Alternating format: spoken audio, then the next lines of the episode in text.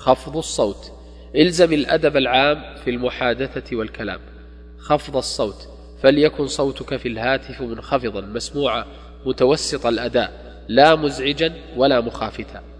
وفي هذا أدب جم مع والديك ومن في درجتهما في القدر والمكانة ومع ذي الشأن ومع من هو دونك في السن أو القدر تدخل عليه السرور. وأن له عندك منزلة فتكسب الأصدقاء والمحبين.